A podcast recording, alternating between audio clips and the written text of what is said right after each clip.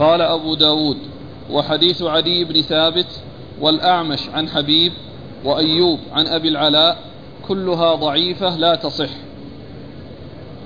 يعني أبو داود رحمه الله بعدما ذكر تلك الأحاديث المرفوعة قال إنها كلها ضعيفة لا تصح.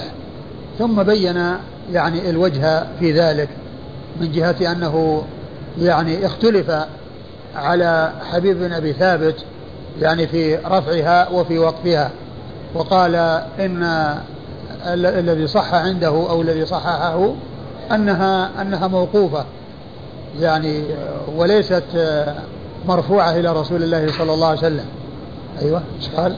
قال قال أبو داود وحديث عدي بن ثابت. عدي بن ثابت اللي هو الأول عن أبيه عن جده. والأعمش عن حبيب. والأعمش عن حبيب اللي هو الثاني. حبيب بن أبي ثابت. وأيوب و... وأيوب أبي العلاء اللي هو الأخير هذا الذي مر آه، أحمد بن سنان القطان عن يزيد بن هارون عن آه، أيوب أبي العلاء. يعني هذا الأخير يعني الثلاثة المرفوعة كلها يضعفها أبو داود. ويعني بعض أهل العلم يصححها ويجعل بعضها يشهد لبعض. نعم. قال كلها والوضوء لكل صلاة جاء في غيرها. نعم. قال كلها ضعيفة لا تصح. ودل على ضعف حديث الأعمش عن حبيب هذا عن حبيب هذا الحديث أوقفه حفص بن غياث عن الأعمش. وأنكر حفص بن غياث أن يكون حديث حبيب مرفوعا. يعني آه، حفص بن غياث أنكر أن يكون مرفوعا وهو أحد رواته. وقال آه، وحفص بن غياث ثقة أخرج له أصحاب الكتب. نعم. ثقة أخرج له أصحاب الكتب. وأوقفه أيضا أسباط عن الأعمش. وأوقفه أيضا أسباط وهو ابن أسباط بن محمد القرشي أسباط بن محمد. القرشي. أسباط بن محمد بن عبد الرحمن. شوف الترجمة. الذي صدوق يخطئ كثيرا أو صدوق يخطئ. ثقة ضعف في الثوري. ها؟ نعم ثقة ضعف في غير الثوري. ثقة, ثقة ضعف في الثوري. ضعف في الثوري. ضعف في الثوري. هو ابن بن عبد الرحمن. أسباط بن محمد بن عبد الرحمن بن خالد نعم بن ميسرة. أسباط بن محمد بن عبد الرحمن. وهو ثقة ضعف في الثوري. وحديثه أخرجه أصحاب الكتب. أخرجه أصحاب الكتب الستة. قال وأوقفه أيضا أسباط عن الأعمش موقوف عن عائشة. وهذا أيضا يعني وجه آخر أيضا أنه موقوف. نعم. قال أبو داود ورواه ابن داود عن الأعمش مرفوعا أو مرفوعا أوله, أوله نعم. وأنكر أن يكون فيه الوضوء عند كل صلاة. يعني أوله الذي تدع الصلاة أيام أقرائها وآخره الذي هو الوضوء عند كل صلاة. فجاء من طريق ابن داود وابن داود هو عبد الله بن داود الخريبي ابن داود عبد الله بن داود الخريبي وهو ثقة أخرج حديثه البخاري وأصحاب السنن. يروي عن الأعمش و وهو أوله. وآخره الذي هو الوضوء عند كل صلاة. يعني ليس فيه ذلك. أوله قال إيش؟ ورواه ابن داود عن الأعمش مرفوعا أوله. أيوه أوله. ما ما هو الأول؟ أوله هي أول الحديث الذي راح يعني ذاك اللي أول أول أحاديث؟ أول الحديث. الحديث مكون من قسمين. الاغتسال ولا تترك الصلاة؟ تترك الصلاة وتغتسل وتصلي وتوضأ لكل صلاة. ولهذا قال عقبه بقوله يعني إنها ليس فيه تتوضأ لكل صلاة. بعده. أوله وليس فيه رحمك الله.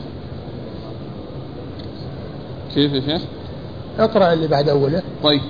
وأنكر أن يكون فيه الوضوء عند كل صلاة. هذا هو. لأن أوله كونها تدع الصلاه أيام اقرائها وتغتسل وتصلي وآخره أنها تتوضأ لكل صلاة. آخره أنها تتوضأ لكل صلاة. فإذا الرواية التي ذكرها عن طريق ابن داود يعني فيها أول الحديث مرفوعا أول الحديث. وأنكر أن يكون فيه تتوضأ لكل صلاة. اللي هو آخر الحديث. ودل على ضعف حديث ثابت هذا أن رواية الزهري عن عروة عن عائشة رضي الله عنها قالت فكانت تغتسل لكل صلاة في حديث المستحاضة و قال ودل يعني على على الضعف يعني آه، أنه قال كانت تغتسل عند كل صلاة. يعني ما في وضوء عند كل صلاة. نعم. ما ذكرت وضوء عند كل صلاة وإنما ذكرت غسل عند كل صلاة.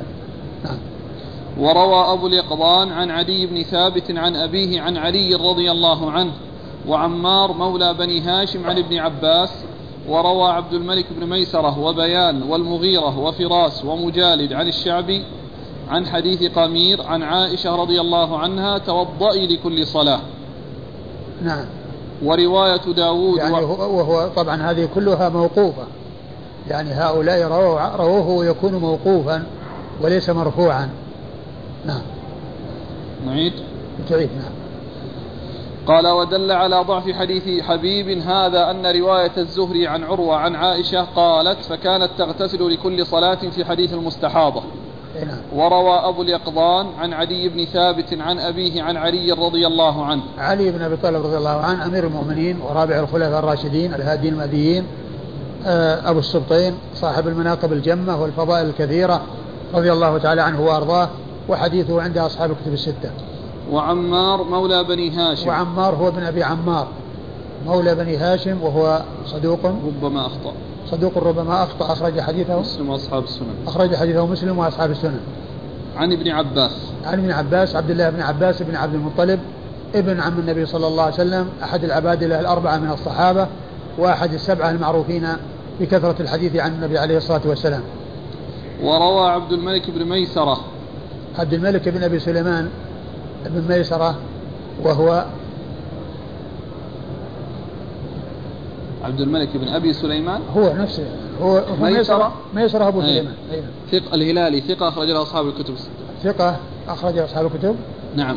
ثقة أخرج أصحاب الكتب الستة. وبيان. وبيان بن بشر وهو ثقة أخرجه أصحاب الكتب الستة. والمغيرة.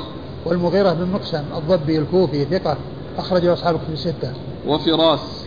وفراس بن يحيى وهو صدوق ربما وهم وهو صدوق ربما وهم أخرج له أصحاب الكتب الستة. ومجالد. ومجالد بن سعيد. ومجالد بن سعيد وهو ليس بالقوي أخرج له مسلم وأصحاب السنن. أخر... ليس بالقوي أخرج له مسلم وأصحاب السنن. عن الشعبي. عن الشعبي عامر بن شراحيل الشعبي ثقة فقيه أخرج له أصحاب الكتب الستة. عن حديث قم... عن حديث قمير عن عائشة رضي الله عنها توضأ لكل صلاة. يعني هذه الروايات كلها في حديث قمير بنت عمرو زوجة زوج مسروق بن الأجدع. توضئي لكل صلاة يعني هذا كله في التضعيف يعني هذه الجملة التي هي الوضوء لكل صلاة. نعم. ورواية داود وعاصم عن الشعبي عن قمير عن عائشة رضي الله عنها تغتسل كل يوم مرة. ورواية ورواية داود وهو بن أبي هند. داود هو بن أبي هند وهو ثقة. أخرج له البخاري تعليقا ومسلم وأصحاب السنن. وعاصم, وعاصم وهو بن سليمان الأحول وهو ثقة. أخرج له أصحاب الكتب الستة. عن الشعبي عن عن قمير عن عائشة. نعم وقد مر ذكره قالت تغتسل لكل يوم مرة.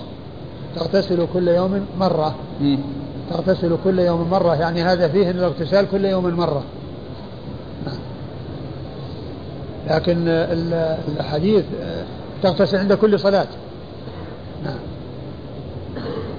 وروى هشام بن عروة عن أبيه المستحاضة تتوضأ لكل صلاة. وروى هشام عن أبيه المستحاضة يعني هذا أثر تتوضأ لكل صلاة أبيه عروة.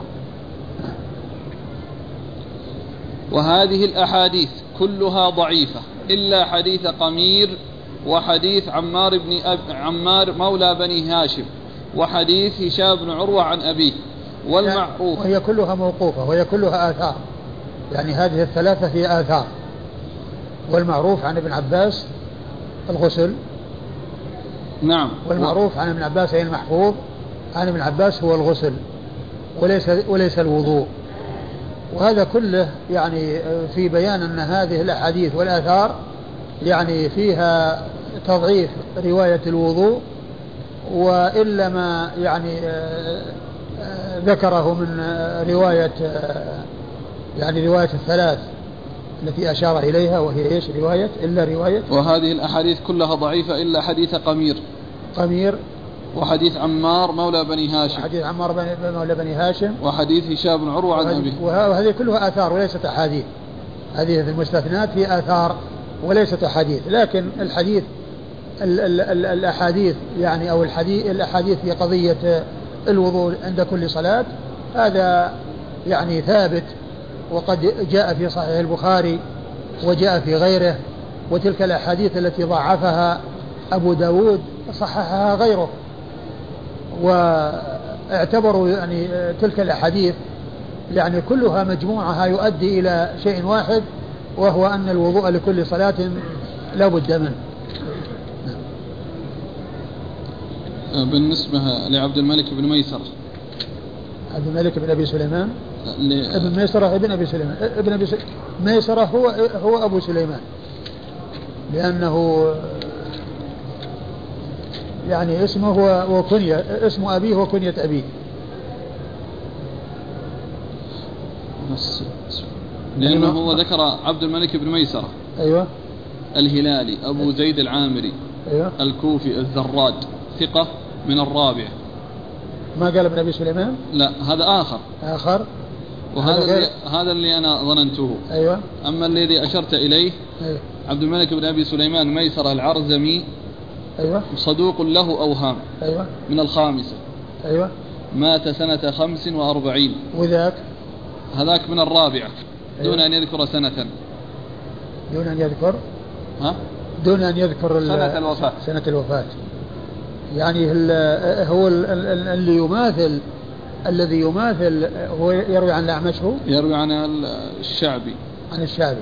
نعم الذي يروي عن الشعبي جماعة وهم في الطبقة الخامسة. لأن أنا رأيت طبقاتهم يعني اللي هم بيان ومقسم و يعني وجماعة. فهذا هو يعني الأقرب يعني اللي هو ميسرة ابن أبي سليمان عبد الملك بن ميسرة اللي هو اللي هو أبو سليمان. فأنا يعني بدالي من ناحية الطبقة أن هذا. وهذا خرج له كتب الستة؟ نعم. وهذا خرج له من؟ البخاري تعليقا ومسلم وأصحاب البخاري تعليقا ومسلم وأصحاب السنن على كل النتيجة واحدة. يعني من من ناحية سواء يكون هذا ولا هذا. لكن هذا لا شك إنه أقوى. ولكن كما قلت إن هذا من الطبقة الخامسة فهو يماثل أولئك الذين رووا عن الشعبي وهم في الطبقة الخامسة. وهم بيان بن بشر ويعني جماعة. غيره فراس ومجالد نعم. نعم. البارحة إبراهيم عن ابن عباس. أيوة. راجعت تحت الأشراف فلم أجد في تلاميذ ابن عباس إلا إبراهيم بن عبد الله بن معبد بن عباس الهاشمي ولم أجد إبراهيم النخعي. أنا وجدت في تهذيب التهذيب قال لم يسمع من ابن عباس يعني ذكر جماعة يعني لم يسمع منهم. يعني ومعنى هذا يعني أنه قد يكون روى عنهم مرسلا وهو كثير الإرسال كما هو معلوم اللي هو إبراهيم النخعي. يعني يرسل يعني ثقة يرسل. فيعني يمكن أن يكون أنه يعني آه، آه، يروي عنه مرسلا. نعم. لأنه ذكر في ترجمة الثيب ويعني لم يسمع من ابن عباس. ذكر أناس لم يسمع منهم. لم يسمع من فلان لم يسمع فلان. يعني معنى هذا أن له رواية عنه. معنى هذا أنه له رواية عنه لكنه لم يسمع منه. فيكون مرسل أرسل عنه وهو معروف بالإرسال اللي هو إبراهيم النخعي. نعم. أنا رجعت إلى تهذيب التهذيب ووجدته قال ولم يسمع من ابن عباس لم يسمع من فلان ولم يسمع من فلان من الصحابة. يعني معناه أنه يرسل عنهم فيكون ذكره يعني آه، إذا كان إبراهيم النخعي عن ابن عباس يعني أنه مرسل. يعني معناه في, في واسطة بينه وبينه منقطع.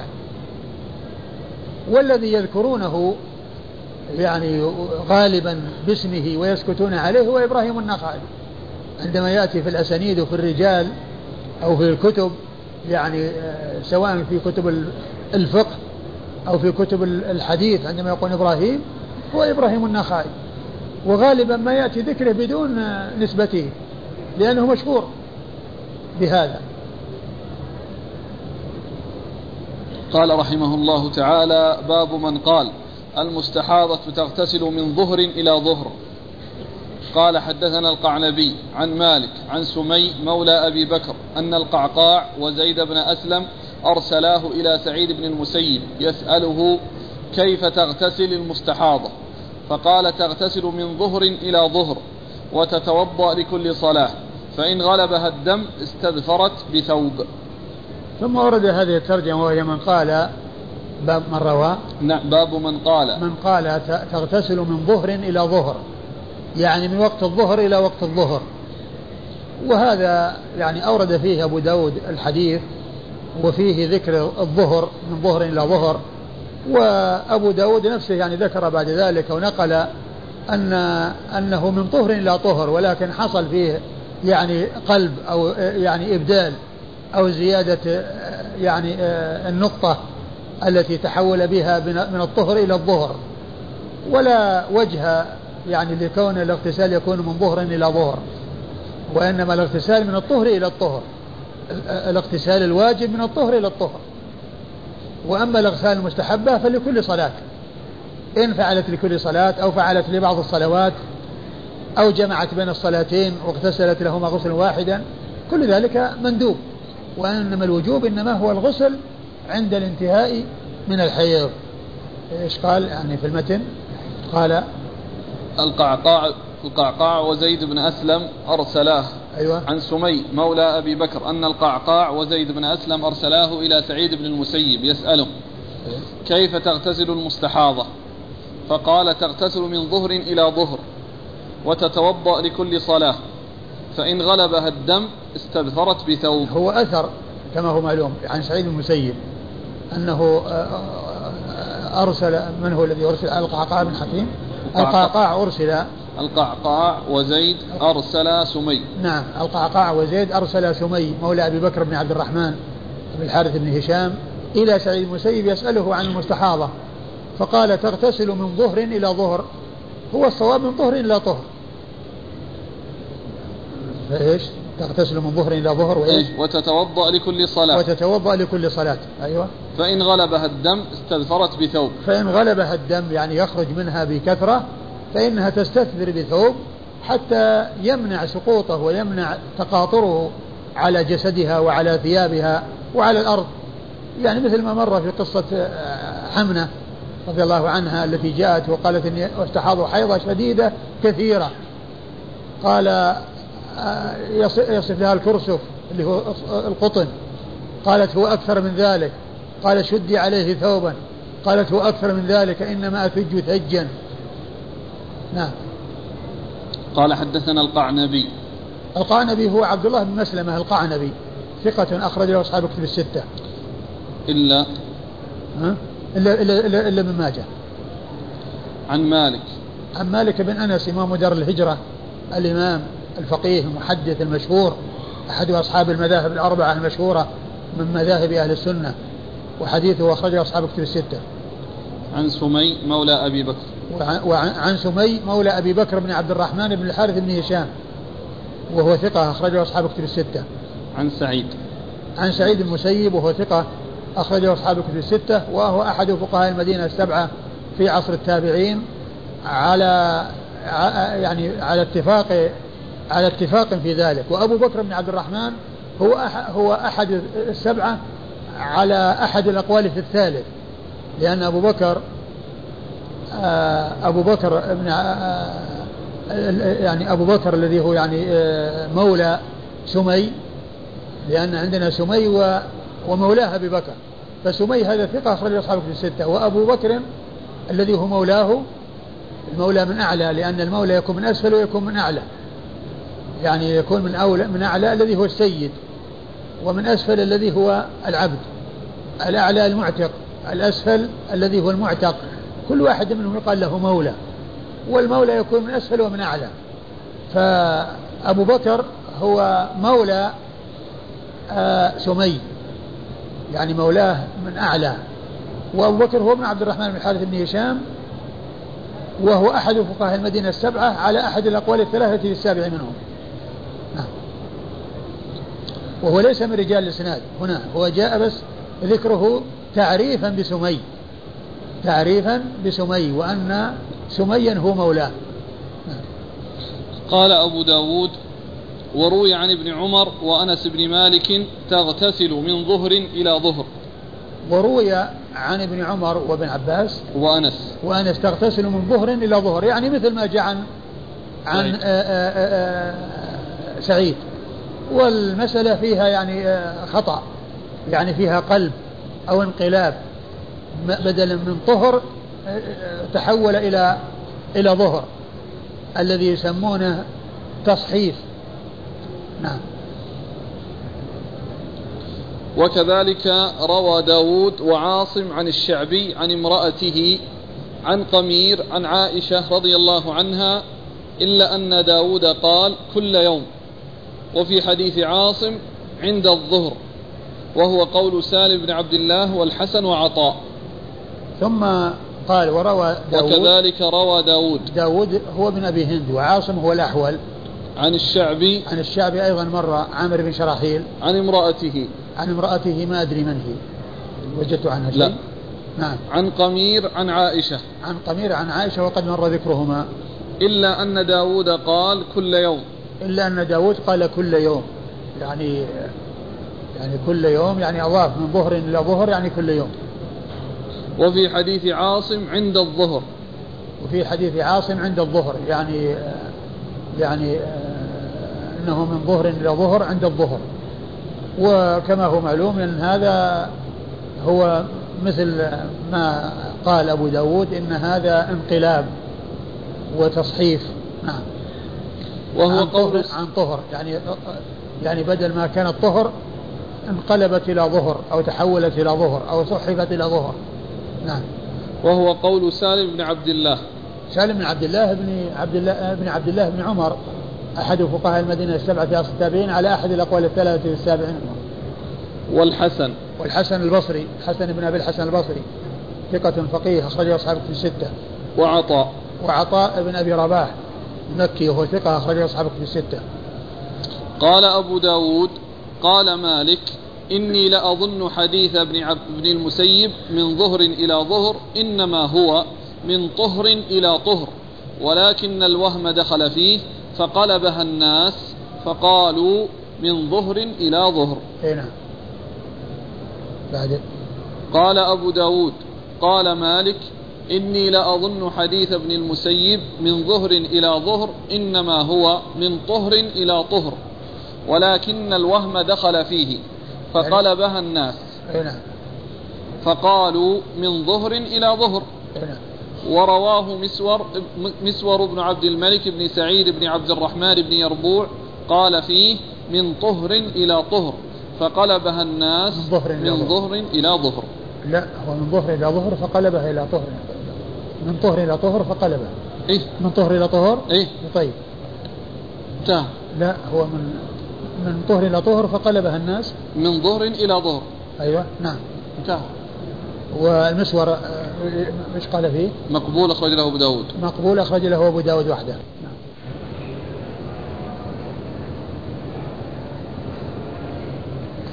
قال رحمه الله تعالى باب من قال تغتسل كل يوم مرة ولم يقل عند الظهر. قال حدثنا أحمد بن حنبل قال حدثنا عبد الله بن نمير عن محمد بن أبي إسماعيل وهو محمد بن راشد عن معقل الخثعمي عن علي رضي الله عنه قال المستحاضة إذا انقضى حيضها اغتسلت كل يوم واتخذت صوفة فيها سمن أو زيت. ثم قال من باب من قال تغتسل آه كل يوم مرة.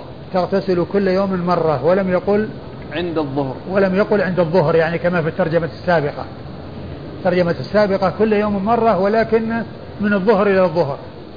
وهنا قال كل يوم مرة ولم يقل من كذا إلى كذا وما قال عند الظهر وإنما أطلق. وال ال ال ال المقصود هو أن كلمة من قال يعني في هذه التراجم هو رأي وليس رواية لأن هذا رأي.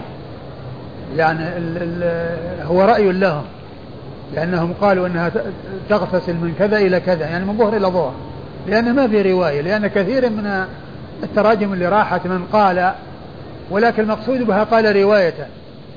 وأما هنا قال رأيا. يعني قاله برأي منه أو باجتهاد منه. يعني فليست كل التراجم التي مرت وفيها ذكر من قال على نسق واحد من حيث المعنى لأن بعضها والذي سبق أن كان في أولها أنها تدع الصلاة أيام أقرائها وأنها إذا أقبلت الحيضة تدع الصلاة وإذا أدبرت تصلي تغتسل وتصلي كل هذه رواية. وفي التراجم الأخيرة هذه إنما هي رأي يعني وليس رواية عن رسول الله صلى الله عليه وسلم. باب من قال تغتسل كل يوم مرة ولم ولم يقل عند الظهر يعني كما في الترجمة السابقة. هو مثل الترجمة السابقة إلا أن الأولى مقيدة بأنها من الظهر إلى الظهر وهذه كل يوم ولكن ما فيها تقييد بأنها من كذا إلى كذا. أيوة. ذكر فيه عن علي. نعم. قال نعم المستحاضة إذا انقضى حيضها اغتسلت كل يوم واتخذت صوفة فيها سمن أو زيت. يعني سمن أو زيت يعني يعني من أجل أنها تمسك الدم. نعم. قال الاسناد حدثنا أحمد بن حنبل. أحمد بن حنبل أحمد بن محمد بن حنبل الإمام مشهور الفقيه المحدث أحد أصحاب المذاهب الأربعة المشهوره من مذاهب أهل السنة وحديثه أخرجه أصحاب الكتب الستة. عن عبد الله بن نمير. عن عبد الله بن نمير وهو ثقة أخرجه أصحاب الكتب الستة. عن محمد بن أبي إسماعيل. عن محمد بن أبي إسماعيل وهو محمد وهو, وهو محمد بن راشد. وهو محمد بن راشد يعني آه يعني أبو إسماعيل هو راشد وهو ثقة أخرج له مسلم وأبو داود والنسائي. وهو ثقة أخرج له مسلم وأبو داود والنسائي. عن معقل الخثعمي عن معقل الخثعمي وهو مجهول أخرج له أبو داود وحده. عن علي. عن علي بن أبي طالب وقد مر ذكره. إسناد. الإسناد كما هو معلوم فيه الخثعمي هذا. معقل الخثعمي وهو مجهول. فهو ضعيف.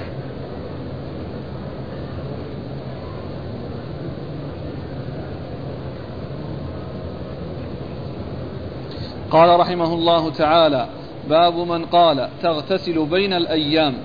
قال حدثنا القعنبي قال حدثنا عبد العزيز يعني ابن محمد عن محمد بن عثمان أنه سأل القاسم بن أبي القاسم بن مح... أنه سأل القاسم بن محمد عن المستحاضة فقال تدع الصلاة أيام أقرائها ثم تغتسل وت... فتصلي ثم تغتسل في الأيام. ثم يعني وهنا قال تغتسل في الأيام الترجمة تغتسل في الأيام مطلقة ليس فيها التقييد بأنه مر كل يوم مرة وبأنه من يوم من, من, الظهر إلى الظهر وإنما قال تغتسل في الأيام.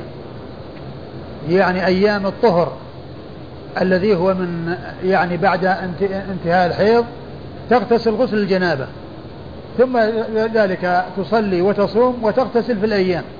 يعني في الأيام التي هي فيها في حكم الطاهرات. إلى أن يأتي الحيض مرة أخرى وعند ذلك تمسك عن الصلاة وعن الصيام وعن الأمور التي تمتنع منها الحيض. أيوة. إيش قال في, في الأثر؟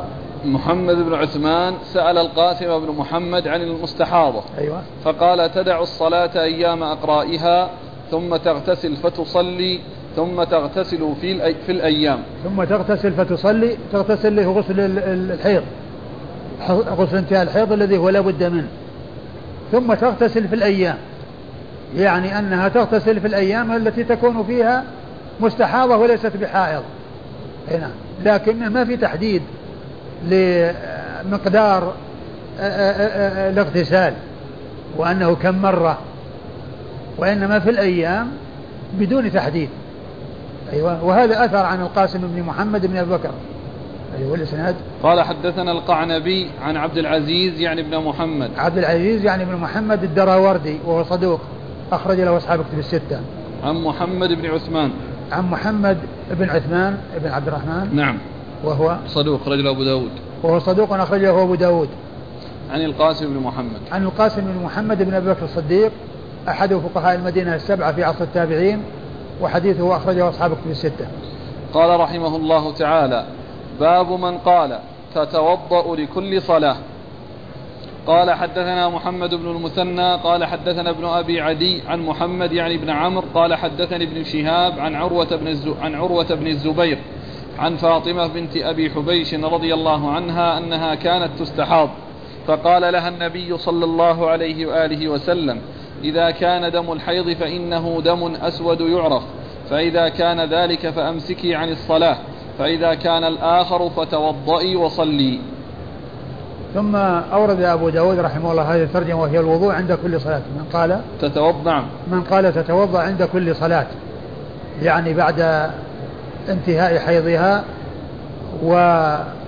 وكونها مستحاضة غير حائض في حكمها حكم الطاهرات أنها تتوضأ عند كل صلاة.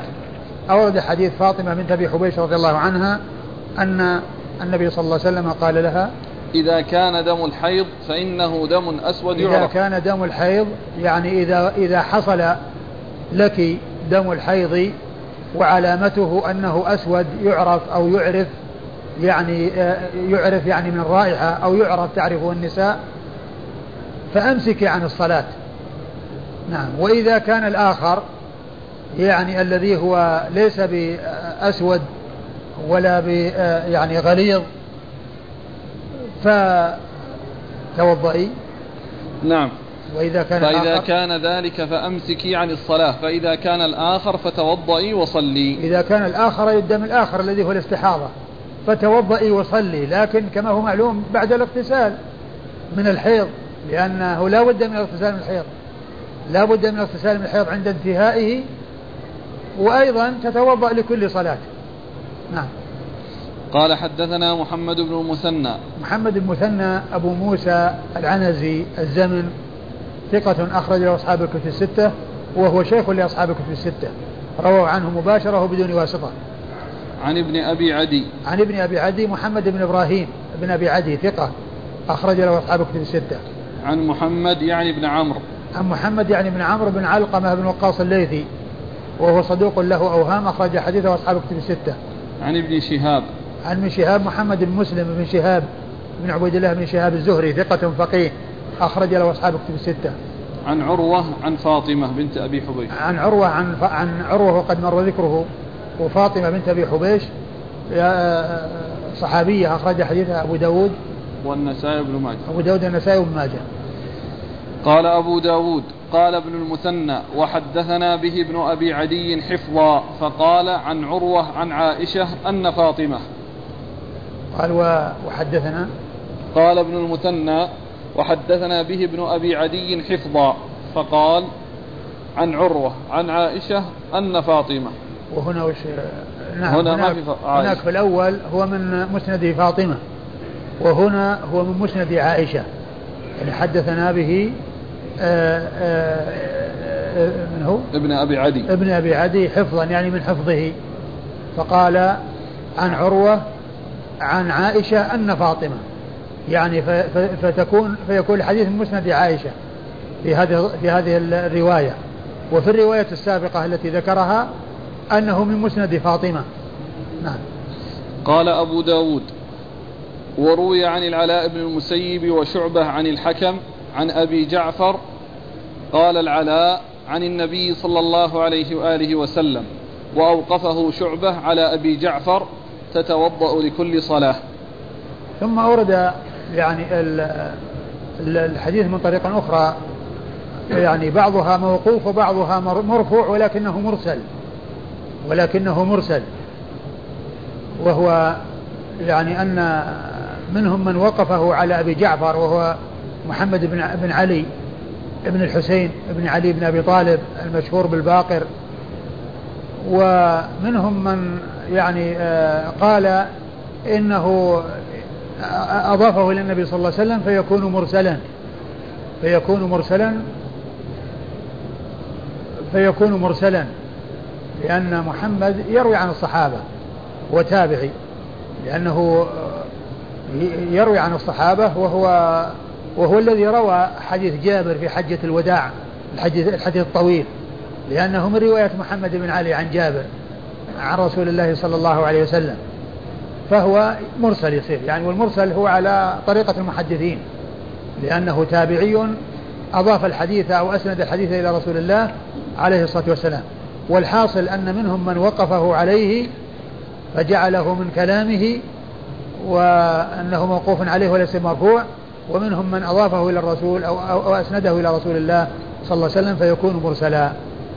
قال إيش؟ ورواه. ورو وروي عن العلاء بن المسيب وشعبة. العلاء بن المسيب ثقة أخرج حديثه.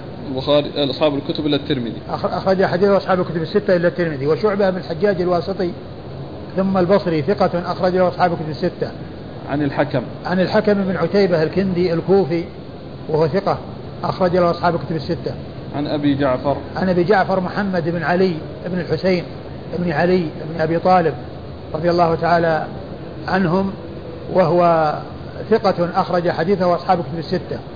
وهو إمام من أئمة أهل السنة وهو أحد الأئمة الاثنى عشر عند الرافضة الذين يغلون فيهم ويصفونهم بصفات لا تصلح ولا تليق بهم ولا يجوز أن تطلق عليهم يعني مثل ما جاء في كتاب الكافي للكليني يقول باب أن الأئمة يعلمون ما كان وما سيكون وأنهم يعلمون متى يموتون وأنهم لا يموتون إلا باختيارهم. ومنهم أبو جعفر هذا رحمه الله. وكذلك يقول باب أنه ليس شيء من الحق إلا ما كان من عند الأئمة وأن كل شيء لم يخرج من عندهم فهو باطل. ويقول الخميني زعيم الرافضة في هذا العصر الذي هلك قبل سنوات يقول في كتابه الحكومة الإسلامية وإن من ضروريات مذهبنا أن لأئمتنا مقاما لا يبلغه ملك مقرب ولا نبي مرسل. والمقصود به الأئمة الاثنى عشر الذين منهم أبو جعفر. الحاصل أن أبا جعفر الذي هو محمد بن علي هو إمام من أئمة أهل السنة وأهل السنة والجماعة يتولون أهل بيت رسول الله صلى الله عليه وسلم ويحبونهم وينزلونهم المنازل التي يستحقونها بالعدل والإنصاف لا بالهوى والتعسف لا يغلون ولا يجفون ولهذا جاء عن الصحابة عن خيار هذه الأمة بيان آه، عظم شأن أهل بيت رسول الله صلى الله عليه وسلم. فإن أبا بكر الصديق كما نقل عنه البخاري أثرين. أحدهما أنه قال والله لقرابة رسول الله صلى الله عليه وسلم أحب إلي أن أصل من قرابتي. والله لقرابة رسول الله صلى الله عليه وسلم أحب إلي أن أصل من قرابتي. يعني آل محمد أولى أن يصلهم من آل أبي بكر. وأحب إليه أن يصلهم لأنهم أقرب رسول الله صلى الله عليه وسلم. وهذا بيان فيه بيان يعني ما كان عليه سلف هذه الأمة وخيارهم ومقدموهم بل خيرهم وأفضلهم أبو بكر. والله لقرابة رسول الله صلى الله عليه وسلم أحب إلي أن أصل من قرابته وهذا موجود في صحيح البخاري. هذا الأثر عن, عن أبي بكر. والأثر الثاني أيضا في صحيح البخاري.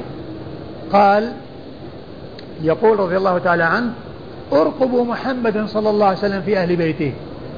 أرقبوا محمدا يعني معناه يعني آه آه, آه، حققوا ونفذوا ما رغبه رسول الله صلى الله عليه وسلم وما أرشد إليه في حق أهل بيته رضي الله تعالى عن أبي بكر. وأما عمر رضي الله عنه فقد جاء عنه أثران.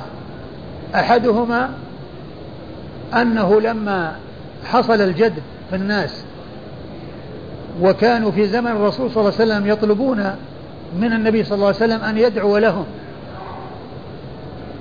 لما لما أراد أن يستسقي طلب من العباس واختاره لأنه عم رسول الله صلى الله عليه وسلم أن يدعو للناس أن يغيثهم الله عز وجل. وقال كما في صحيح البخاري اللهم إنا كنا أجد إذا أجدبنا توسلنا إليك بنبينا فتسقينا. يعني توسلنا بدعائه. طلبنا منه أن يدعو فيدعو فتسقينا. وإنا نتوسل إليك بعم نبينا فأسقنا. قم يا عباس فادعو الله. قال عم نبينا. ما قال بالعباس؟ ما عبر بالعباس لأنه أراد القرابة وقصده من اختيار العباس القرابة. يعني وهناك من هو أفضل من العباس. يعني ممن شهد له بالجنة من العشرة المبشرين بالجنة كانوا موجودين ومع ذلك ما طلب منهم. ولكنه اختار واحدا من أهل بيت الرسول صلى الله عليه وسلم وهو عم الرسول صلى الله عليه وسلم. هو عم الرسول عليه عليه الصلاة والسلام. والأثر الثاني أيضا قال إن قال قال عمر رضي الله عنه للعباس إن إسلامك أح إن إسلامك يوم أسلمت أحب إلي من إسلام الخطاب الذي هو أبوه. قال لأن النبي صلى الله عليه وسلم كان حريصا على إسلامك. لأن النبي صلى الله عليه وسلم كان حريصا على إسلامك وقد ذكر ابن كثير رحمه الله هذه الآثار عند آية الشورى قل أسألكم عليه أجرا للمودة في القربى وقال إن هذه الآية مكية والمقصود والمقصود بها كما جاء عن ابن عباس يعني في صحيح البخاري أن المقصود بها أن الرسول صلى الله عليه وسلم طلب من قريش أنهم إذا لم ينصروه أن يتركوه يبلغ دعوته لما بينه وبينهم من القرابة. وليس المقصود بأهل القربة الذي هم يعني علي وفاطمة وأولادهما لأن علي ما تزوج بفاطمة في مكة وإنما الزواج بعد ذلك في المدينة والآية مكية. والمقصود بها كما جاء عن ابن عباس أن الرسول صلى الله عليه وسلم أراد من من قريش أن يتركوه إذا لم ينصروه ويؤيدوه. ثم إن ابن كثير رحمه الله قال وفضل آل البيت والآثار في آل البيت يعني جاء ما يدل على فضلهم وذكر شيء من الحديث وشيء من الآثار ثم ذكر الأثرين عن أبي بكر وأثر آه، عمر الذي هو في قصة الخطاب لو أسلم ولا أدري هل فيه أيضا ذكر توسل عمر رضي الله عنه بالعباس. والله تعالى أعلم وصلى الله وسلم وبارك على عبده ورسوله نبينا محمد. وعلى آله وأصحابه أجمعين. بسم الله الرحمن الرحيم الحمد لله رب العالمين الصلاة والسلام على نبينا محمد وعلى آله وصحبه أجمعين أما بعد. قال الإمام أبو داود السجستاني رحمه الله تعالى باب من لم يذكر الوضوء إلا عند الحدث قال حدثنا زياد بن أيوب قال حدثنا هشيم قال أخبرنا أبو بشر عن عكرمة أن أم حبيبة بنت جحش رضي الله عنها استحيضت فأمرها النبي صلى الله عليه وآله وسلم أن تنتظر أيام أقرائها ثم تغتسل وتصلي فإن رأت شيئا من ذلك توضأت وصلت. بسم الله الرحمن الرحيم. الحمد لله رب العالمين وصلى الله وسلم وبارك على عبده ورسوله نبينا محمد وعلى آله وأصحابه أجمعين. أما بعد يقول الإمام أبو داود السجستاني رحمه الله تعالى باب من لم يذكر الوضوء إلا من الحدث. سبق أن المستحاضة تتوضأ لكل صلاة وذلك لازم واجب وأن وأنه يندب لها أن تغتسل لكل صلاة. وسبق أن مضى عدة تراجم فيها ذكر آراء بعض الصحابة والتابعين في بعض المسائل المتعلقة بالاستحاضة. وهذه الترجمة وهي قوله باب من لم يذكر الوضوء إلا من الحدث. من لم يذكر الوضوء إلا من الحدث. يعني أن الذي يكون سببا للوضوء هو حصول الحدث. الذي هو غير دم الاستحاضة. الذي هو غير دم الاستحاضة. لأن دم الاستحاضة مع المرأة دائما. أي مع المرأة المستحاضة. فهنا يقول يعني من لم يذكر الوضوء إلا من الحدث يعني معناه إذا أنه إذا وجد منها الحدث الذي هو غير الدم فإنها تتوضأ وتصلي. وأنه إذا كان غير ذلك فإنه لا يلزمها الوضوء وإنما إذا حصل ناقض لوضوئها ولطهارتها وهو حصول حدث غير الدم فإن هذا هو الذي يلزمها. يعني فيكون الحكم في ذلك كالحكم بالنسبة للطاهرات. والطاهرات يعني كما هو معلوم لا يحصل منهن لزوم الوضوء إلا من الحدث. لكن المستحاضة كما عرفنا الحدث لازم لها وهو وهي مثل الذي به سلس البول. وتتوضأ لكل صلاة والذي به سلس البول يتوضأ لكل صلاة. وقد سبق أن مر أن الذي عليه جمهور أهل العلم أن أنها تتوضأ لكل صلاة وأنه لا يتوقف الأمر على الحدث وعلى حصول الحدث منها فيكون مثلها مثل الطاهرات تماما يعني وضوءها مثل وضوء الطاهرات. والطاهرات كما هو معلوم لا يتوضأن إلا من الحدث. إذا وجد منهن ناقض للحدث ناقض للوضوء. الذي هو أي حدث ناقض للوضوء فإنها عند ذلك تتوضأ وتصلي. ومعنى هذا عدم التفرقة و و وأنه يسوى بين الطاهرة وبين المستحاضة. الطاهرة لا تتوضأ إلا إذا انتقض وضوءها الموجود من قبل بحصول حدث وكذلك المستحاضة لا يلزمها الوضوء إلا إذا وجد منها حدث. يعني معناه أنه يسوي بينها وبين الطاهرات.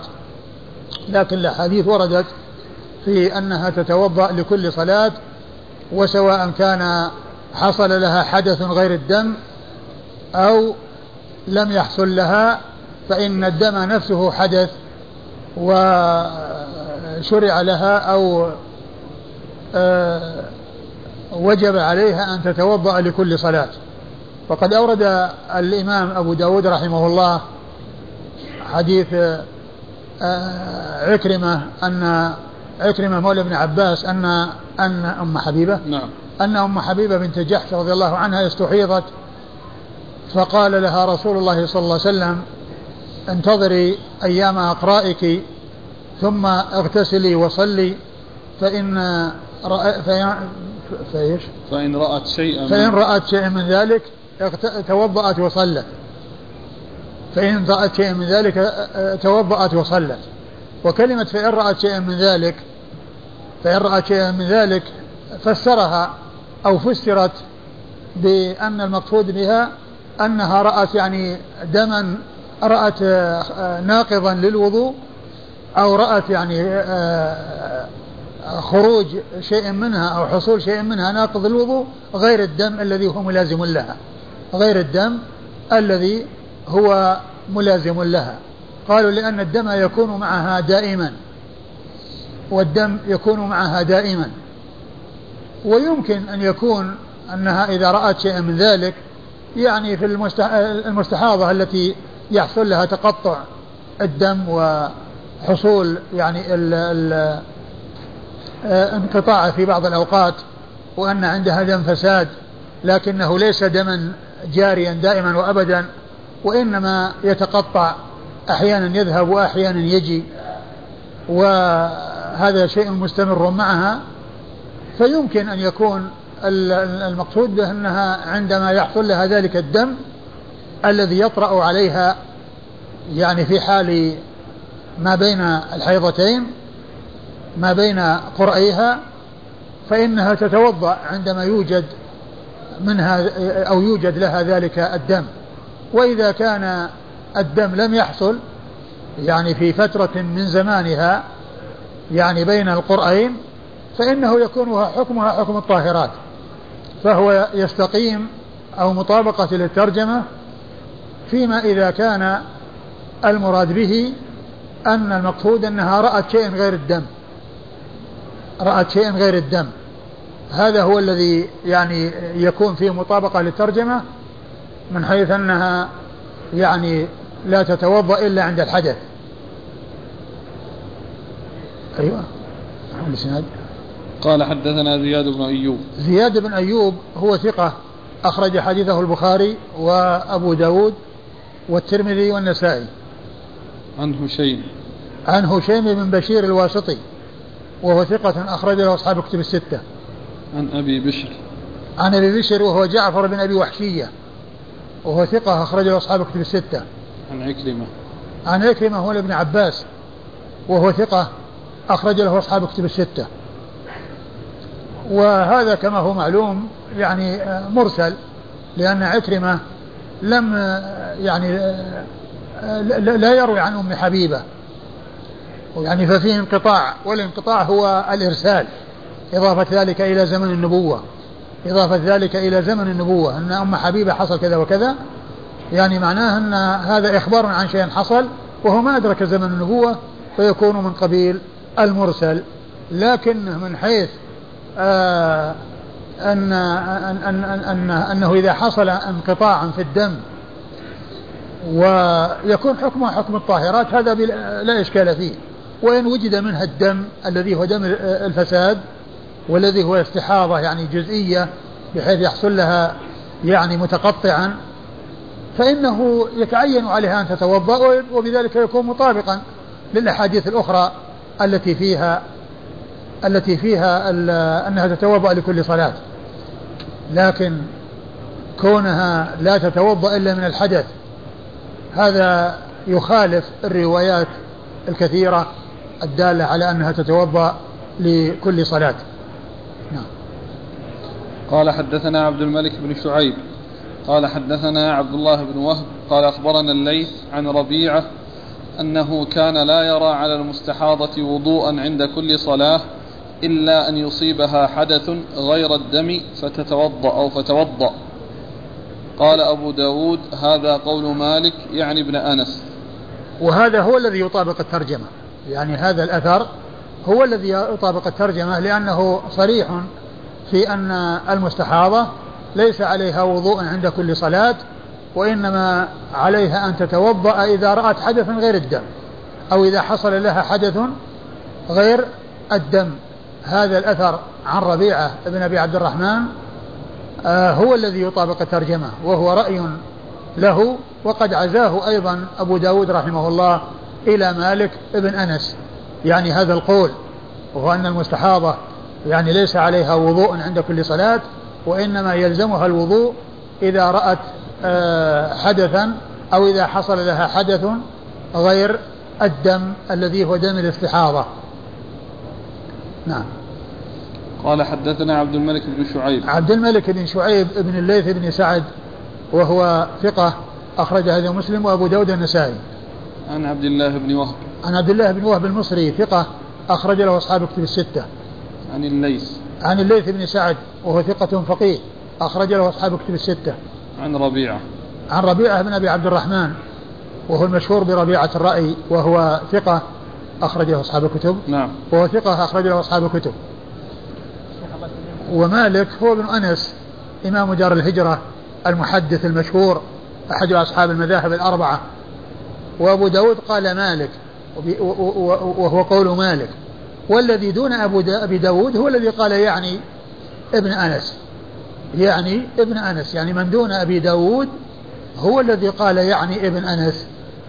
يعني يقصد أن مالكا يعني أن أن أن, أن أبا داود يعني بقوله مالك مالك بن أنس.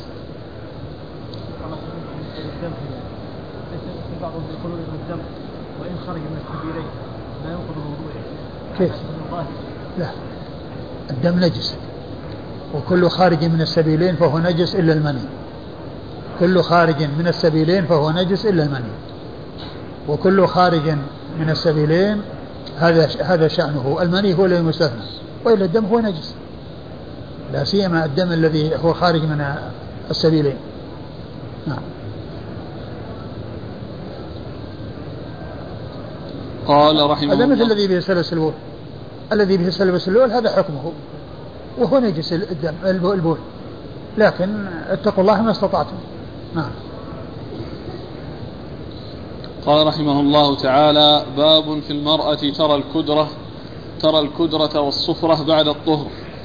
قال حدثنا موسى بن إسماعيل قال, حد قال أخبرنا حماد عن قتادة عن أم الهذيل عن أم عطية رضي الله عنها وكانت بايعت النبي صلى الله عليه وآله وسلم. قالت كنا لا نعد الكدرة والصفرة بعد الطهر شيئا. ثم ورد أبو داود رحمه الله باب الكدرة والصفرة بعد الطهر. يعني ما تجده المرأة من كدرة يعني في فرجها أو مما يخرج من فرجها وكذلك صفرة الكدرة هي يعني هي الماء الذي أصابه شيء يعني غير غير لونه وقد وغير صفاءه يعني معناه إنه شيء يعني آه، شيء فيه كدرة يعني ليس يعني شيئا صافيا وإنما هو شيء يعني ليس بأصفر ولا بأحمر ولكنه يعني مثل الماء الكدر. والصفرة هي يعني ما يخرج يعني من المرأة يعني بعد انقضاء بعد انقضاء دمها مما يكون يعني شيء أصفر أو لونه أصفر. فهذا هو المقصود بالكدرة والصفرة بعد الطهر. وكذلك يعني لو كان يعني ليس كدرة ولا صفرة ولكنه يعني دم ولكنه تجاوز مدة الحيض فإنه أيضا يكون استحاضة أو يكون دم فساد وحكمه مثل ما مثل ما مر في المستحاضة. وهنا فيه التنصيص على أن الكدرة والصفرة آه، أنها لا تعتبر حيضا في بعد زمن بعد زمن الحيض ولكنها في زمن الحيض حيض. الكدرة والصفرة في زمن الحيض حيض وفي مدة الحيض تعتبر حيضا. وبعد الطهر وبعد الحيض وانتهائه تعتبر طهرا. إذا الكدرة والصفرة في زمن الحيض تعتبر حيضا وبعد انتهاء مدته تكون طهرا. وقد أورد أبو داود رحمه الله حديث أم عطية أنها قالت كنا لا نعد أي كنا يعني معشر الصحابيات لا نعد الكدرة ولا الصفرة بعد الطهر شيئا. يعني لا نعتبرها شيئا مؤثرا. يعني يمنع من الصلاة ومن الصيام ومن الأمور التي آه تحصل للطاهرات. نعم. قال حدثنا موسى بن إسماعيل. موسى بن إسماعيل موسى بن إسماعيل هو ثقة أخرجه أصحاب كتب الستة. عن حماد عن حماد هو بن سلمة ثقة أخرج له البخاري تعليقا ومسلم وأصحاب السنن عن أم الهذيل. عن أم الهذيل وهي حفصة بنت سيرين وهي ثقة أخرج لها أصحاب كتب الستة. نعم. عن قتادة قبلها. عن قتادة؟ مم. عن قتادة من دعامة السدوسي وهو ثقة أخرج له أصحاب كتب الستة. عن أم الهذيل وهي حفصة بنت سيرين وهي ثقة أخرج لها أصحاب كتب الستة. عن أم عطية. عن أم عطية الأنصارية وهي آه، نسيبة أو نسيبة بنت كعب أو بنت الحارث صحابية بايعت الرسول صلى الله عليه وسلم وحديثها أخرجه أصحاب كتب الستة. قال حدثنا مسدد قال حدثنا إسماعيل قال أخبرنا أيوب عن محمد بن سيرين عن أم عطية بمثله. ثم ورد أبو داود الإسناد من طريق الحديث من طريق أخرى. ولم يذكر المتن ولكنه أحال على المتن السابق وقال بمثله أي أن متن هذا الحديث الذي لم يذكره مثل المتن السابق. وكلمة المثلية أو مثل تعني المطابقة في اللفظ والمعنى. وأما إذا قيل بمعناه تعني المطابقة بالمعنى مع الاختلاف في اللفظ. إذا أتى بالإسناد وقال بمعنى أو بمعنى حديث فلان يعني معناه أنه ليس مماثلا له وإنما يعني مقارب له في اللفظ فهو متفق فهما متفقان في المعنى مع اختلاف الألفاظ وأما إذا قيل مثله فهما متفقان في المعنى واللفظ متفقان في المعاني والألفاظ. وأبو داود رحمه الله أورد الحديث أورد الإسناد ثم قال مثله. يعني مثل الإسناد مثل الحديث المتقدم مثل المتن المتقدم. والإسناد؟ قال حدثنا مسدد. مسدد بن مسرهد البصري ثقة أخرج له البخاري وأبو داود والترمذي والنسائي. عن إسماعيل. عن إسماعيل وهو بن بن علية إسماعيل بن إبراهيم بن مقسم بن علية المشهور بن علية ثقة أخرجه أصحاب في الستة. عن أيوب. عن أيوب بن أبي تميم السختياني ثقة أخرج له أصحاب كتب الستة. عن محمد بن سيرين. عن محمد بن سيرين وهو ثقة أخرج له أصحاب كتب الستة. عن أم عطية. عن أم عطية وقد مر ذكرها. قال أبو داود أم الهذيل هي حفصة بنت سيرين. كان ابنها اسمه هذيل واسم زوجها عبد الرحمن. ثم ذكر أبو داود رحمه الله التعريف بأم الهذيل التي جاء ذكرها في الإسناد يعني في الإسناد الأول. وأن وأن المقصود بها حفصة بنت سيرين يعني آه، ابنها الهذيل وهي تكنى به وزوجها عبد الرحمن. ولا أدري يعني من هو عبد الرحمن هذا. نعم. قال رحمه الله تعالى باب المستحاضة يغشاها زوجها. قال حدثنا إبراهيم بن خالد قال حدثنا معلى بن منصور عن علي بن مسهر عن الشيباني عن عكرمة أنه قال كانت أم حبيبة رضي الله عنها تستحاض. فكان زوجها يغشاها. قال أبو داود وقال يحيى بن معين معلى ثقة وكان أحمد بن حنبل لا يروي عنه لأنه كان ينظر في الرأي.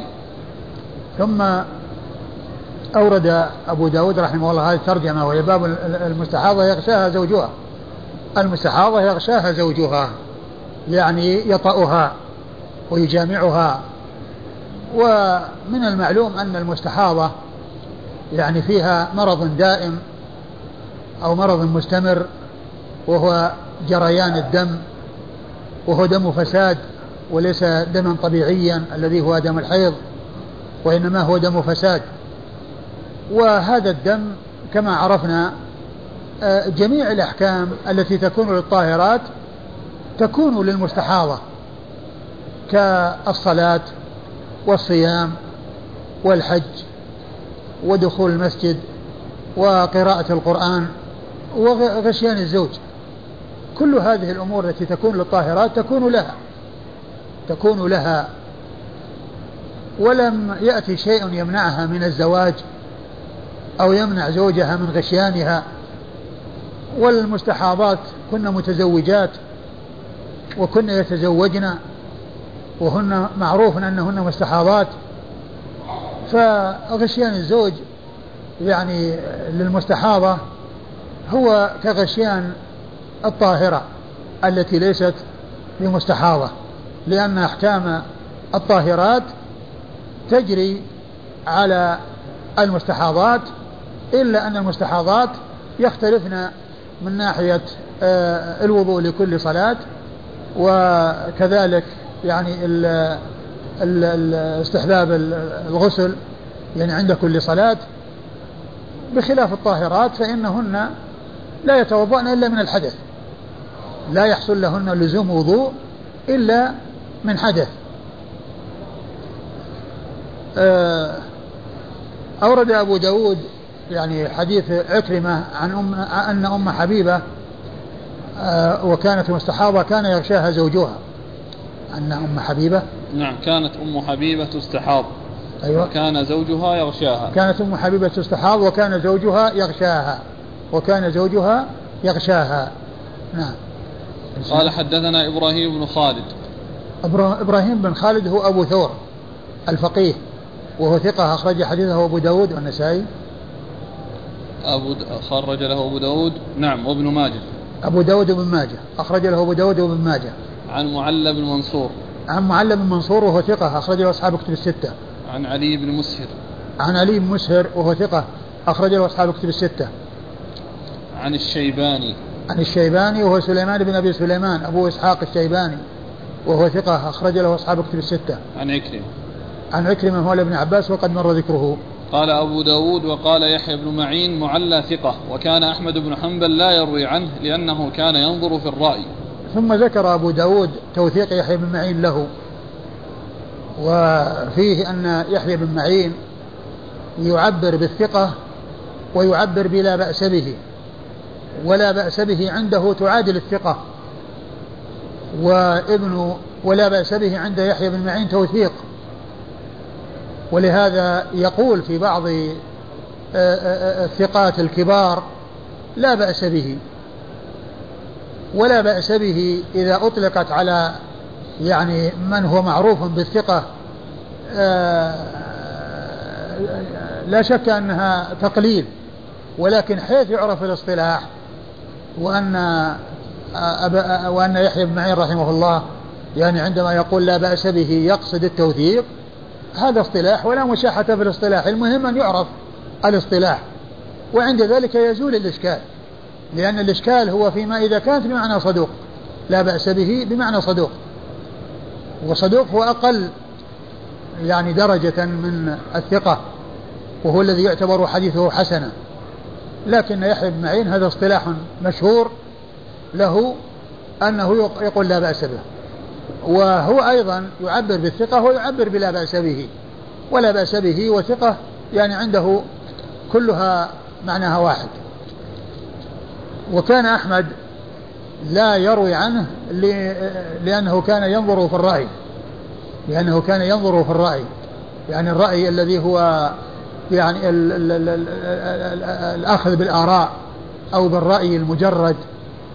ولهذا كانوا يعيبون على من يكون آه، اشتغاله بالرأي أو عنايته بالرأي وعدم حرصه على الدليل.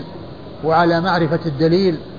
يعني هناك أشخاص يعني يذكرون عابوا عليه الإفتاء بالرأي مثل ما قال في عثمان البتي. عثمان البتي في ترجمته يقولون عابوا عليه الإفتاء بالرأي. نعم. قال حدثنا أحمد بن أبي سريج الرازي قال أخبرنا عبد الله بن الجهم قال حدثنا عمرو بن أبي قيس عن عاصم عن عكرمة عن حمنة بنت جحش رضي الله عنها أنها كانت مستحاضة وكان زوجها يجامعها. ثم أورد أبو داود حديث حمنة بنت جحش رضي الله عنها أنها كانت مستحاضة وكان زوجها يجامعها. وهو مثل الذي تقدم عن أم حبيبة وأن زوجها كان يغشاها.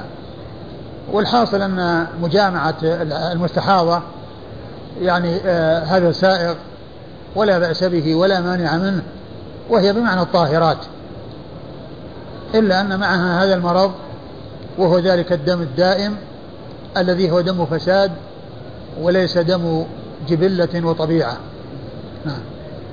قال حدثنا أحمد بن أبي سريج الرازي. أحمد بن أبي سريج الرازي. إيش قال عنه؟ صدوق؟ ثقة أخرج له البخاري وأبو داود والنسائي. ثقة أخرج له البخاري وأبو داود والنسائي.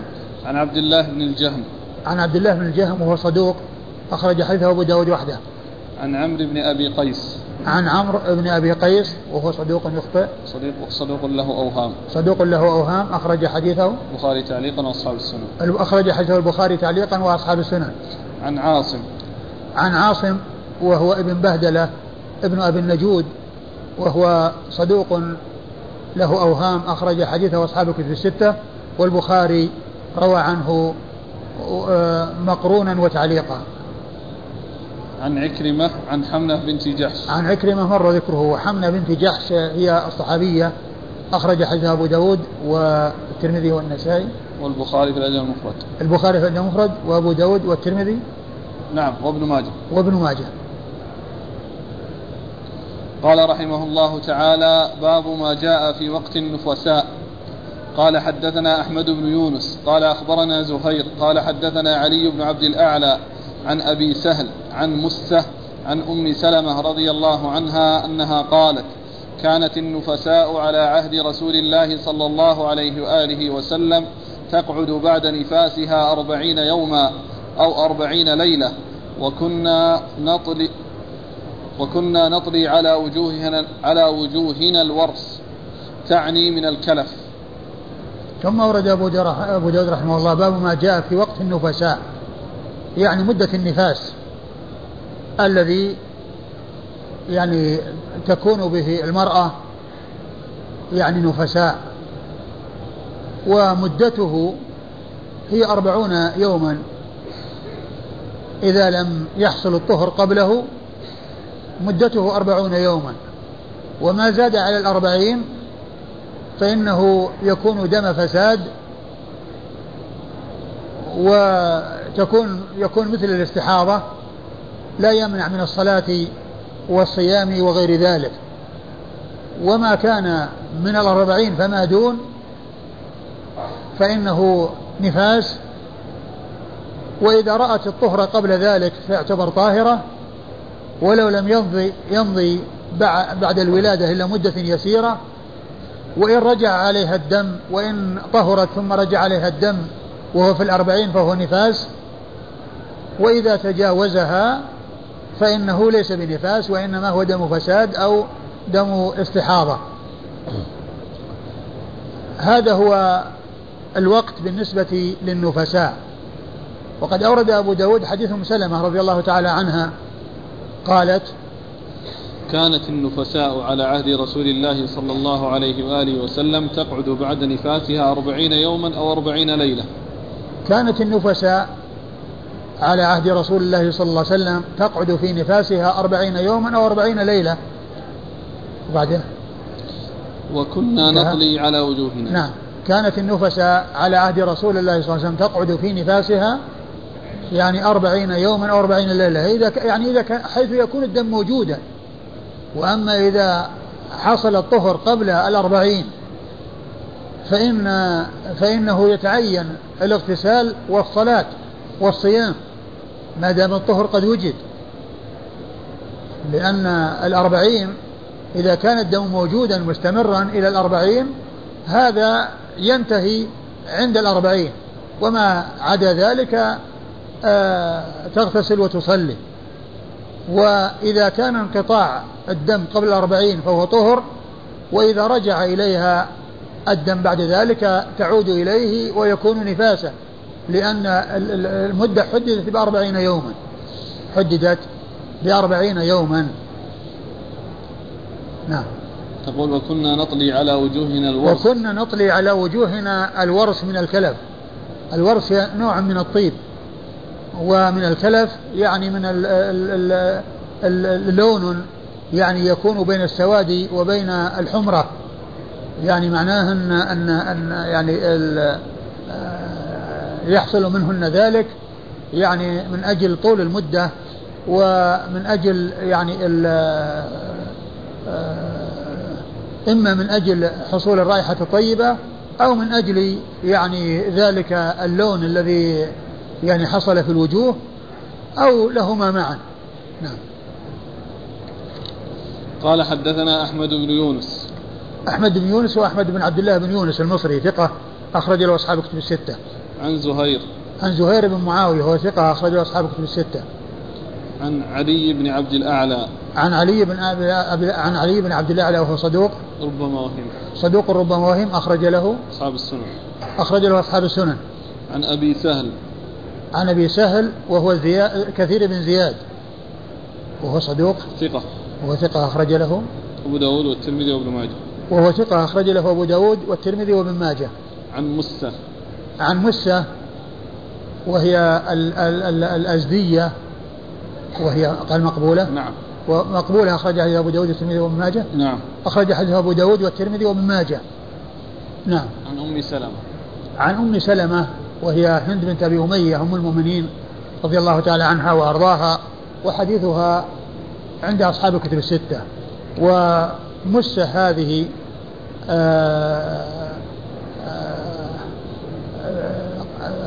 البخاري أثنى على حديثها وجاء عن بعض أهل العلم تصحيحه فهو حجة أو عمدة. نعم. قال حدثنا الحسن بن يحيى قال أخبرنا محمد بن حاتم يعني حبي. نعم. قال هذا لقب. ها؟ لقب هذا. قال حدثنا عبد الله بن المبارك عن يونس عن يونس بن نافع عن كثير بن زياد قال حدثتني الأزدية يعني مسة قالت حججت فدخلت على أم سلمة رضي الله عنها فقلت يا أم المؤمنين إن سمرة بن جندب رضي الله عنه يأمر النساء يقضين صلاة المحيض. فقالت لا يقضين. كانت المرأة من نساء النبي صلى الله عليه وآله وسلم تقعد في النفاس أربعين ليلة لا يأمرها النبي صلى الله عليه وآله وسلم بقضاء صلاة النفاس. قال محمد يعني ابن, ابن حاتم واسمها مسة تكنى أم بسة. قال أبو داود كثير بن زياد كن كنية, أب أب كنية أبي سهم. كنيته؟ كنيته. إيه، كنيته أبو سهم. آه، أورد بعد ذلك أبو داود رحمه الله حديث أم سلمة؟ نعم. حديث أم سلمة أن أن مسة يعني الأزدية حجت وجاءت إلى أم سلمة وقالت لها إن سمرة بن جندب يأمر النساء أن يقضين آه، صلاة صلاة صلاة المحيض يعني الصلاة التي فاتتهن وهن حيض يأمرهن بقضائها. ولعل آه، سمرة رضي الله عنه لم يبلغه ما ورد يعني في ذلك. يحمل على هذا. على أنه لم يبلغه ما ورد. وقد جاء عن عائشة رضي الله عنها لما سألتها معاذة العدوية وقالت لها آآ آه، آآ آه، يعني ما بال الحائض تقضي الصوم ولا تقضي الصلاة؟ قالت آه، أحرورية أنت؟ قالت لا ولكني أسأل. قالت كنا نؤمر بقضاء الصوم ولا نؤمر بقضاء الصلاة. كنا نؤمر بقضاء الصوم ولا نؤمر بقضاء الصلاة. وقد سبق أن مر الحديث وعرفنا أن الصوم آه، أمر بقضائه لأنه لا يتكرر ولأنه شهر في السنة وإذا حاضت المرأة وأخذت لها خمسة أيام من رمضان أو أربعة أو ثلاثة فمن السهل عليها أن تقضيه. وأما بالنسبة للصلاة فإنها تطول وتكثر فخفف على النساء فلم يؤمرنا بالقضاء فلم يؤمرنا بالقضاء. وهذا الحديث يعني عن أم سلمة رضي الله عنها لما آه، آه، سألتها مسة أخبرتها بأن النساء كن يقعدن في نفاسهن أربعين يوما ولا يعني يؤمرن بقضاء صلاة النفاس. وإذا كان النفاس أربعين يوما أربعين يوما وهن لا يؤمرن يعني آه، به فذلك مثله الذي هو فيما يتعلق بالمحيض. لأن أحكام النفاس وأحكام الحيض واحدة. أحكام النفاس وأحكام الحيض واحدة. ف وأيضا يعني كما عرفنا حديث عائشة يعني فيما يتعلق بالمحيض. يعني هذا يدل على النفاس اللي هو حديث أم سلمة. وحديث عائشة يدل على النفاس. وأيضا حديث أم سلمة يدل على حديث عائشة يدل على عدم قضاء الصلاة في الحيض وحديث أم سلمة يدل على قضاء الصلاة عدم قضاء الصلاة في النفاس وأيضا حديث أم سلمة يدل على عدم قضاء الصلاة في النفاس لأن السؤال هو عن المحيض. السؤال إنما هو عن المحيض. فأخبرتها بأن النفاس لا يؤمر بقضائه وأحكام الحيض وأحكام النفاس واحدة. نعم. قال حدثنا الحسن بن يحيى الحسن بن يحيى المروزي وهو صدوق الرازي. الرازي الرز نعم. الرزي. الرزي. الرزي؟ نعم. إيه الرزي. صدوق أخرج له أبو داود. إيه هو يعني أظن في التقرير في التهذيب التهذيب قال المروزي. مروزي ما أدري الرزي هذه وش نسبة إليه. وهو صدوق أخرج حديث أبو داود. نعم. صدوق أخرج حديثه أبو داود وحده. عن محمد بن حاتم يعني حبي. عن محمد بن حاتم بن هشام يعني حبي وهو لقب وهو محمد بن حاتم بن يونس الجرجاء. نعم محمد بن حاتم بن يونس. محمد بن حاتم بن نعم. يونس؟ نعم الجرجاء الجر أي نعم هو ابن يونس نعم. محمد بن حاتم بن يونس وهو ثقة أخرج له. أبو داود النسائي أخرج له أبو داود النسائي طيب قال يعني حبي. يعني حبي يعني لقب هذا. يعني يعني أن أن تلميذه الذي هو الحسن بن يحيى الحسن بن يحيى يعني أو من دون الحسن بن يحيى اللي هو أبو داود أو من دونه هو الذي قال يعني حبي ولكن فاعل يعني ضمير مستتر يرجع إلى حسن بن يحيى. الحسن بن يحيى نعم. الحسن بن يحيى نعم. أو من دون الحسن بن يحيى أو من دونه. لا الحسن بن يحيى اللي هو التلميذ. يعني ال ال الذي قال يعني مو يحيى الحسن بن يحيى من دون الحسن بن يحيى. الذي قالها من دونه. وفاعلها هو.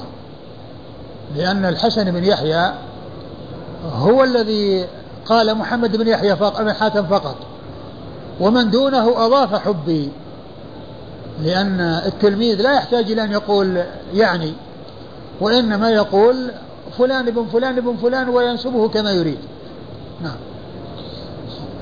عن عبد الله بن المبارك. عن عبد الله بن المبارك المروزي ثقة أخرج له أصحاب كتب الستة. عن يونس بن نافع. عن يونس بن نافع وهو صدوق. صدوق يخطئ. صدوق يخطئ أخرج حديثه. داود والنسائي. أبو داود النسائي عن كثير بن زياد. عن كثير بن زياد وهو أبو سهل في الإسناد الذي راح لأنه ذكر هناك بكنيته وهنا ذكر باسمه وهو شخص واحد. عن الأزدية يعني مسة. عن الأزدية يعني مسة. يعني هنا أتى بها بالأزدية وذاك أتى بها باسمها. ولما قال الأزدية أتى أيضا من دون يعني كثير بن زياد. كثير بن زياد بكلمة يعني مسة. أيوه. عن أم سلمة. عن أم سلمة وقد مر ذكرها. ثم قال قال محمد يعني ابن يعني ابن حاتم واسمها مسة تعني تكنى أم بسة. يعني قال قال إيش؟ قال محمد يعني ابن حاتم. قال محمد يعني ابن حاتم الذي هو في الإسناد. الذي هو في الإسناد آه محمد يعني مسة ها؟ إيه. تكنى أم بسة. نعم. تكنى أم بسة نعم. قال أبو داود كثير بن زياد كنيته أبو سهل. ثم قال أبو داود أيضا ثم قال أبو داود أبو كثير بن زياد كنيته أبو سهل. يعني الذي جاء ذكره في هذا الإسناد هو هو هو هو, هو الذي كني في الإسناد الذي قبله. لأن الإسناد الذي قبله أبو سهل عن مسة. وهنا كثير بن زياد عن الأزدية. والأزدية هي مسة وكثير بن زياد هو أبو سهل. فكثير بن زياد كنيته أبو سهل. أيوة. قال رحمه الله تعالى باب الاغتسال من الحيض. والله تعالى أعلم وصلى الله وسلم وبارك على عبده ورسوله نبينا محمد وعلى آله وأصحابه أجمعين. السائل يقول هل في صلاة الجنازة التكبيرات؟ هل فيها التكبيرات؟ هكذا كتب. صلاة الجنازة فيها أربع تكبيرات. يعني الناس يكبرون أربع تكبيرات. يعني هذا شيء آه، آه، أقول يعني أصلا الناس ما يعني آه، ما يسمعون إلا التكبيرات والتسليم. أي بس هذا ما هو سؤال ما هو السؤال. هو الآن السؤال عن التكبيرات. ورفع اليدين في رفع اليدين نعم ترفع الأيدي. ترفع الأيدي لأنه جاء عن ابن عمر رضي الله عنه مرفوعا وجاء عنه موقوفا. والموقوف والمرفوع يعني آه، جاء من طريق ثقة فهي زيادة ثقة. وقد ذكرها شيخنا الشيخ عبد العزيز بن باز حفظه الله في تعليقه على فتح الباري في الجزء الثالث منه. يعني ذكر يعني في التعليق عليه أو في الحاشية التي كان علق فيها على ثلاثة أجزاء من فتح الباري في الجزء الثالث. ذكر أنه جاء من طريق عمر بن شبة وأن عمر بن شبة رفعه. نعم.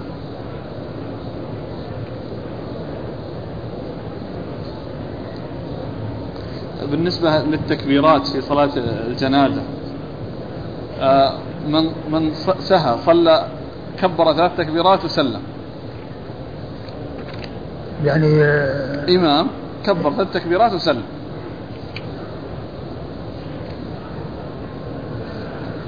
يعني ينبه ويكبر الرابعة. ينبه ويكبر الرابعة. رفعت الجنازة وراحت الآن. هل تعاد الصلاة من جديد؟ رفعت الجنازة وذهب لا ما أدري. هذا إذا كان في الوقت. إذا كان في الوقت الناس عرفوا أنه ما كبر له ثلاث يعني آه، يسبحون ويقولون سبحان الله. وإذا يعني آه، بعد ذلك ما تنبهوا وكذا وكلموه يعني بأنه يعني باقي تكبيره يرجع ويكبر.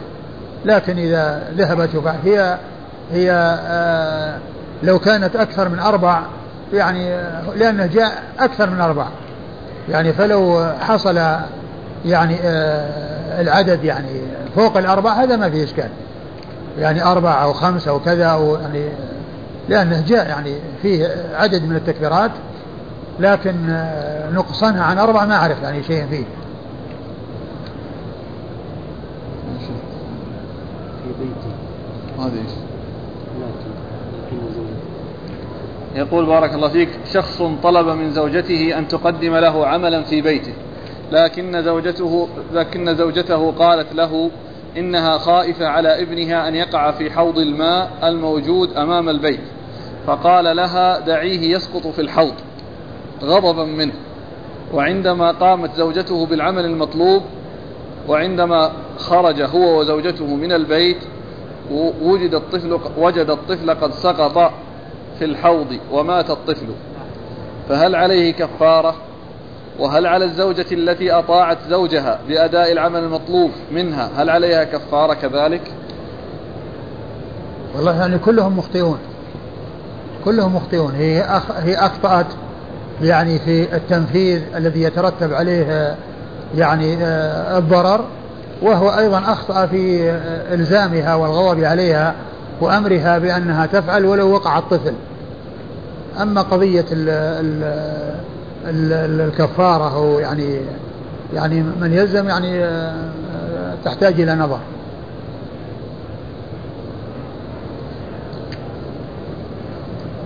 في حديث مر معنا في باب الاستتار في الخلاء.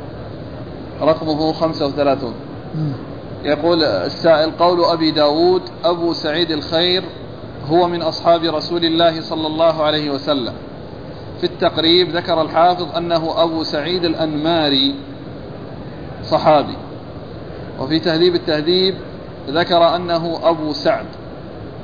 قال أبو داود أبو سعد من أصحاب النبي صلى الله عليه وسلم. قال قلت الصواب التفريق بينهما فقد نص على كون أبي سعد الخير صحابيا البخاري وأبو حاتم وابن حبان والبغوي وابن قانع وجماعة. وأما أبو سعيد الحبراني فتابعي. إيش؟ وأما أبو سعيد الحبراني. الإيش الحبراني بالضبط. حبراني؟ إيه؟ بالباء؟ اي نعم نعم. آه. آه. فتابعي قطعا. آه. وإنما وهم بعض الرواة فقال في حديثه عن أبي سعد الخير ولعله تصحيف تصحيف وحذف. قال فراس الشعباني سمعت أبا سعد الخير يقول سمعت النبي صلى الله عليه وسلم يقول توضؤوا مما مست النار. وقال قيس بن الحارث الكندي عن أبي سعد الخير الأنماطي عن النبي صلى الله عليه وسلم يدخل الجنة من أمتي سبعون ألفا. قال العجلي كان بكر بن عبد الله يقول إياك من الكلام ما إن أصبت فيه لم تؤجر. هذا من الكلام فيه. ها؟ هذا الكلام منين؟ هذا ناقل ما أدري. يعني هذا يعني هذا كلام يعني الكلام هذا اللي فيه الاستطراد يعني يعني لكلام بكر بن عبد الله؟ إيه؟ أيوه. إياك هذا هذا موجود في تهذيب التهذيب في ترجمة بكر بن عبد الله. لكن إيش إيش العلاقة في الموضوع بسعيد الخير وابو سعيد الخير؟ ها؟ السؤال وش هو الآن؟ ما هو السؤال؟ وش الراجح في أبي سعيد الخير؟ صحابي لا الإسناد وش هو اللي هناك اللي راح؟ الإسناد اللي هناك هناك حدثنا إبراهيم بن موسى الرازي قال أخبرنا عيسى بن يونس عن ثور عن الحسين الحبراني الحسين إيه أيوه عن أبي سعيد ها. عن أبي هريرة رضي الله عنه عن النبي صلى الله عليه وسلم قال من اكتحل فليوتر من فعل فقد أحسن ومن لا فلا إلى آخره. وش قلنا عليه هناك في ذاك الوقت؟ ذاك الوقت أبي سعيد الحبراني الحمصي مجهول أيوة. أخرج له أبو داود وابن ماجه. علق أبو داود قال رواه أبو عاصم عن ثور قال حسين الحميري مو الحبراني قال الحصين الحميري. حسين الحميري. الحميري؟ اي أيوه. والإسناد الحصين الحبراني. آه. ورواه عبد الملك بن الصباح عن ثور فقال أبو سعيد الخير. قال أبو داود أبو سعيد الخير هو من أصحاب النبي صلى الله عليه وسلم. يعني إحنا ل... ل... ل... فعبد الملك بن الصباح آه. وهم في الإسناد. هذا كتبناه من أيوه. الشرح. أيوه. فعبد الملك بن الصباح وهم في الإسناد. فقال أبو سعيد الخير؟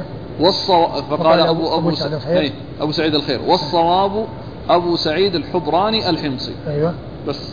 أي هو هذا. يعني الصو- يعني الصواب أنها أنها أن التابعي الذي هو الحبر الحبراني. إيه. الحبراني الحمصي. نعم. أي نعم. فضيلة الشيخ ذكرتم بالأمس قول أبي بكر رضي الله عنه لئن أصل قرابة رسول الله صلى الله عليه وسلم أحب إلي من أن أصل قرابتي.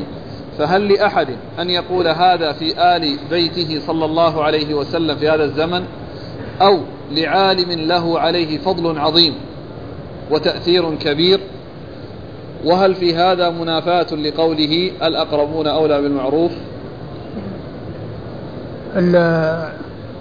هو كما هو معلوم لا شك أن الأقربون هو أولى بالمعروف وأولى الناس بالبر قرابة الإنسان والصدقة إلى القريب والإحسان إلى القريب هي صدقة وصلة لأن فيها جمع بين الأمرين والجار ذي القربى كما هو معلوم الذي له حق الجوار وحق القرابة يعني له ميزة على غيره ومقدم على غيره لكن آه الذي آه قاله أبو بكر رضي الله عنه في حق آل بيت الرسول صلى الله عليه وسلم لأنه ورد يعني فيهم شيء آه يعني يدل على آه يعني آه آه مراعاة يعني ما جاء عن النبي صلى الله عليه وسلم فيهم.